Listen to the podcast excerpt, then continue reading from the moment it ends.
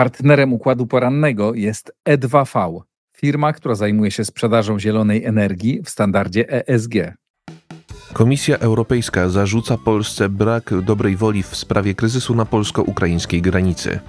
Państwa NATO poparły przystąpienie Ukrainy do sojuszu. Tajwan nie spodziewa się ataku Chińskiej Republiki Ludowej. Google umieszcza reklamy na podejrzanych witrynach. Irlandia przyjęła rekordową liczbę uchodźców i wniosków o azyl. Sejm za finansowaniem in vitro przez państwo. Czwartek 30 listopada to jest układ poranny. Michał Ziomek, zapraszam. Komisarz Unii Europejskiej do spraw transportu Adina Valean zarzuciła rządowi Mateusza Morawieckiego brak dobrej woli w kwestii rozwiązania kryzysu na polsko-ukraińskiej granicy. Według radia RMFFM w poniedziałek nowe propozycje dla polskiej branży transportowej mają być przedmiotem dyskusji ministrów transportu państw unijnych. Według Walan wydarzenia mające miejsce na polsko-ukraińskiej granicy są nie do przyjęcia.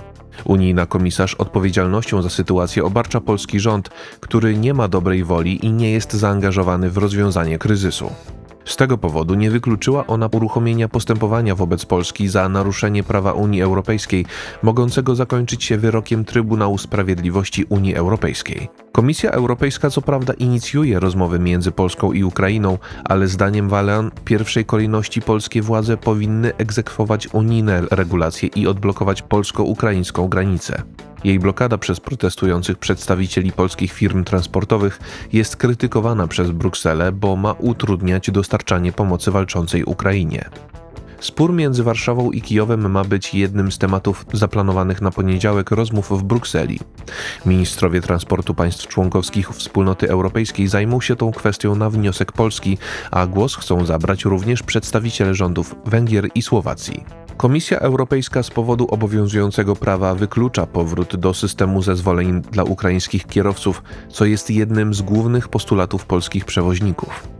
Bruksela próbuje więc nakłonić Kijów do stworzenia specjalnego pasu dla powracających pustych ciężarówek, a także do usprawnienia systemu e-kolejek. Sekretarz generalny Sojuszu Północnoatlantyckiego Jens Stoltenberg zapowiedział, że Ukraina stanie się częścią NATO. Wpierw władze w Kijowie muszą przeprowadzić szereg ważnych reform. Ministrowie spraw zagranicznych państw należących do NATO rozmawiali w Brukseli przede wszystkim na temat trwającej wojny na Ukrainie. Przy tej okazji poruszono również kwestię członkostwa tego kraju w strukturach sojuszu. Według Stoltenberga ministrowie mieli zgodzić się na jej przystąpienie do NATO, dlatego Ukraina ma być tego bliższa niż kiedykolwiek.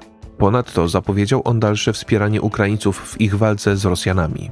Obecnie NATO ma być zaangażowane we wzmacnianie ukraińskiej obrony powietrznej. Amerykański sekretarz stanu Antony Blinken zdementował pojawiające się w mediach pogłoski dotyczące rzekomego zmęczenia państw zachodnich wojną w Ukrainie. Jego zdaniem wszyscy ministrowie uczestniczący w szczycie NATO byli zdeterminowani, aby dalej udzielać jej pomocy wojskowej. Stany Zjednoczone stoją na stanowisku, że wycofanie się ze wsparcia dla Ukrainy i oddanie pola Rosji byłoby zachętą dla państw, które chciałyby dokonywać zmian granicy i decydować o losach innych krajów. Uczestniczący w rozmowach minister spraw zagranicznych Ukrainy Dmytro Kuleba wyraził zainteresowanie dalszym rozwojem współpracy z zachodnim przemysłem zbrojeniowym. Dzięki wspólnej euroatlantyckiej przestrzeni przemysłu obronnego Ukraina mogłaby szybciej otrzymywać potrzebne jej uzbrojenie. Przystąpienie Ukrainy do NATO będzie wpierw wymagało od niej wdrożenia reform wskazywanych jej przez państwa członkowskie sojuszu. Dotyczą one m.in. bardziej zdecydowanej walki z korupcją, wzmocnienia praworządności i niezależności wymiaru sprawiedliwości czy respektowania praw mniejszości narodowych. Stacja Voice of America przypomina, że kolejny szczyt NATO odbędzie się w lipcu przyszłego roku w Stanach Zjednoczonych.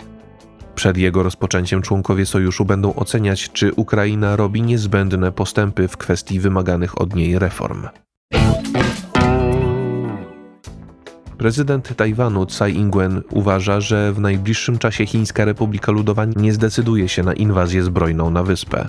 Pekin ma być obecnie zbyt zajęty swoimi wewnętrznymi problemami, a ponadto obawia się reakcji społeczności międzynarodowej. W połowie listopada w San Francisco spotkali się amerykański prezydent Joe Biden i chiński przywódca Xi Jinping. Jednym z tematów ich rozmów była kwestia Tajwanu.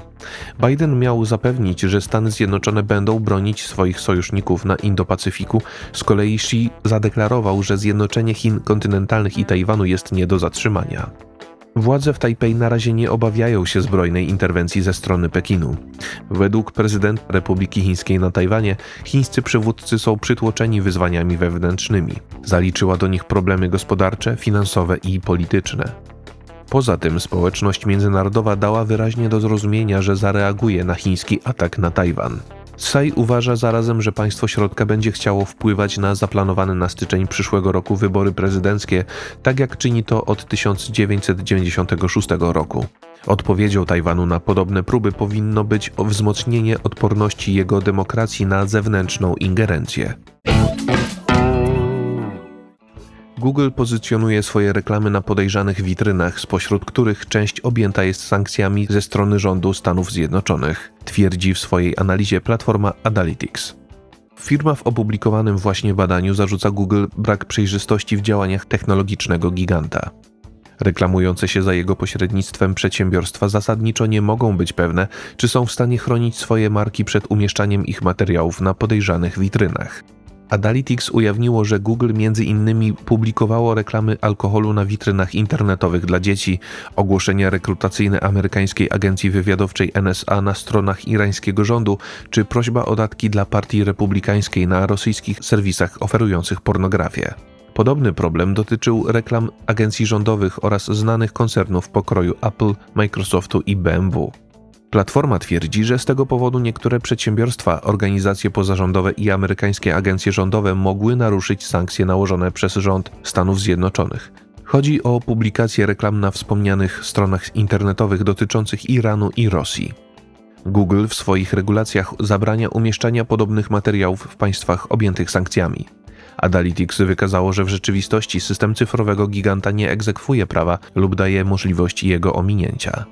Dodatkowo zajmujący się zamieszczaniem kampanii reklamowych program Google Ads nie udostępnia reklamodawcom wszystkich informacji na temat witryn dostępnych w sieciach wyszukiwania. Google w odpowiedzi na pytania stacji Deutsche Welle zarzucił Adalytics publikowanie niedokładnych raportów, które zawierają przesadzone wnioski.